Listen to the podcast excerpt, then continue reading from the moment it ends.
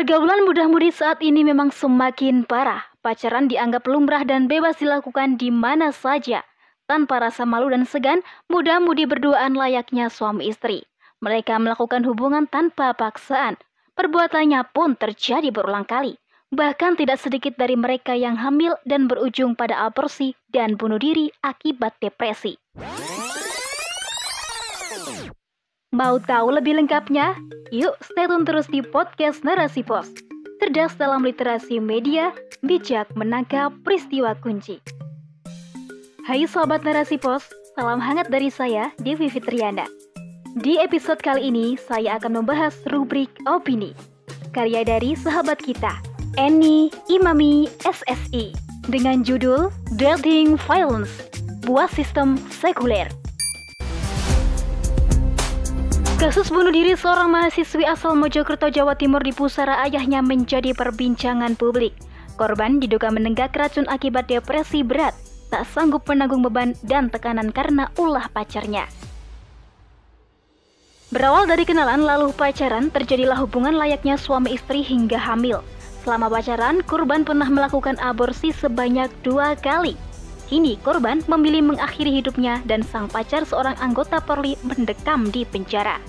Menteri Pemberdayaan Perempuan dan Perlindungan Anak, Bintang Puspayoga, menilai kasus tersebut termasuk dalam kategori kekerasan dalam pacaran. Bintang menegaskan kekerasan dalam berpacaran dapat menimbulkan penderitaan secara fisik maupun mental. Tak hanya itu, kekerasan dalam pacaran juga dapat merampas hak seorang di balik halayak umum maupun dalam kehidupan pribadi. Kasus seperti ini sebenarnya sudah banyak terjadi, namun tidak tersorot dan masih diabaikan oleh masyarakat. Mengutip survei dari pengalaman hidup perempuan nasional yang dilakukan Kementerian PPPA pada 2016, tingkat kekerasan baik secara fisik maupun seksual yang dialami perempuan yang belum menikah yaitu sebesar 42,7 persen. Pergaulan muda-mudi saat ini memang semakin parah. Pacaran dianggap lumrah dan bebas dilakukan di mana saja. Tanpa rasa malu dan segan, muda-mudi berduaan layaknya suami istri. Mereka melakukan hubungan tanpa paksaan. Perbuatannya pun terjadi berulang kali.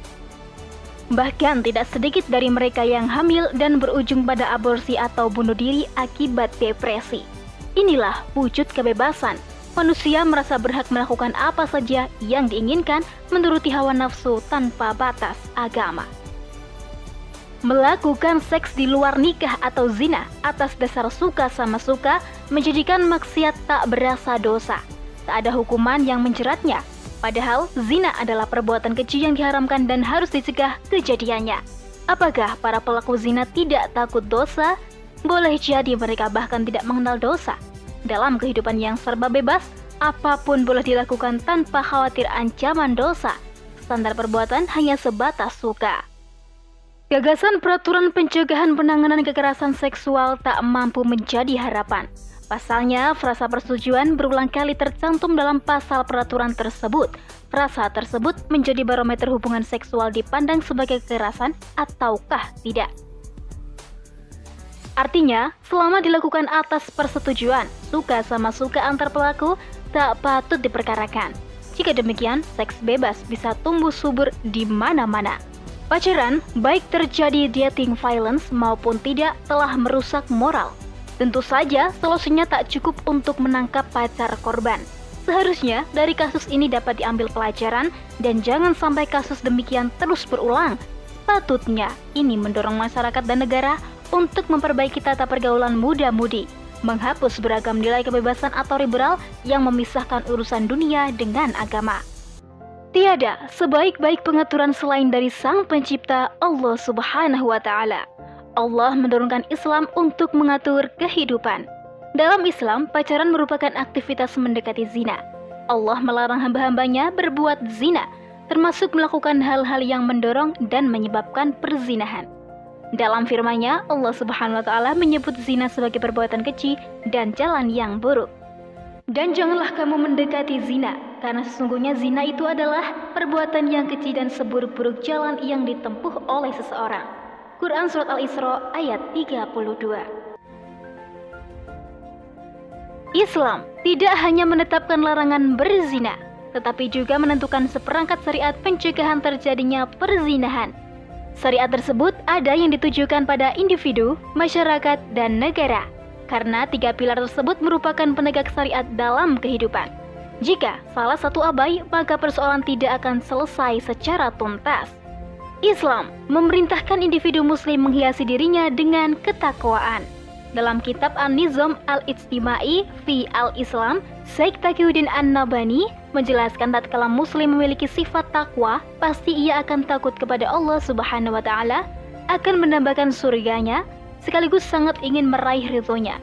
Ketakwaan menjadi perisai memalingkan seorang muslim dari perbuatan mungkar, termasuk menghalanginya dari perbuatan seperti zina. Syariat Islam sangat memperhatikan keberadaan laki-laki dan perempuan yang bukan mahram Jangan sampai kebersamaan mereka tergolong ikhtilat atau campur baur maupun khalwat berdua-duaan. Memproteksi dengan memerintahkan seorang muslim menjaga pandangan atau ghodul basor. Para perempuan juga diperintahkan untuk menutup auratnya dengan sempurna. Tatkala keluar rumah, selama sehari semalam harus disertai dengan mahramnya. Bagi menamudi yang sudah mampu, syariat memerintahkan untuk segera menikah untuk menjaga kehormatannya bagi yang belum mampu diperintahkan untuk berpuasa. Islam juga menyuruh masyarakat dalam mencegah terjadinya kemaksiatan yakni dengan melakukan amar ma'ruf nahi mungkar. Sedangkan bagi negara, wajib baginya menyelenggarakan pendidikan berbasis akidah Islam. Pendidikan berbasis akidah Islam akan melahirkan individu yang bertakwa. Selain itu, sistem pergaulan Islam juga harus diterapkan. Hukum yang bersumber dari syariat Islam tegas memberikan sanksi keras bagi pelaku perzinahan, dirajam bagi pelaku yang sudah pernah menikah, dan dicambuk serta diasingkan bagi pelaku yang belum pernah menikah. Demikian sempurna Islam menjaga pergaulan laki-laki dan perempuan. Kesempurnaan aturan Islam hanya bisa dirasakan tatkala individu, masyarakat, dan negara bersama-sama menerapkannya dalam sistem kehidupan. Selama liberalisme dan sekularisme yang dijadikan sistem kehidupan apa pun solusinya menimbulkan masalah. Maka, tidak ada pilihan lain kecuali kembali menjadikan Islam sebagai solusi untuk segala aspek kehidupan. Wallahu a'lam bishawab.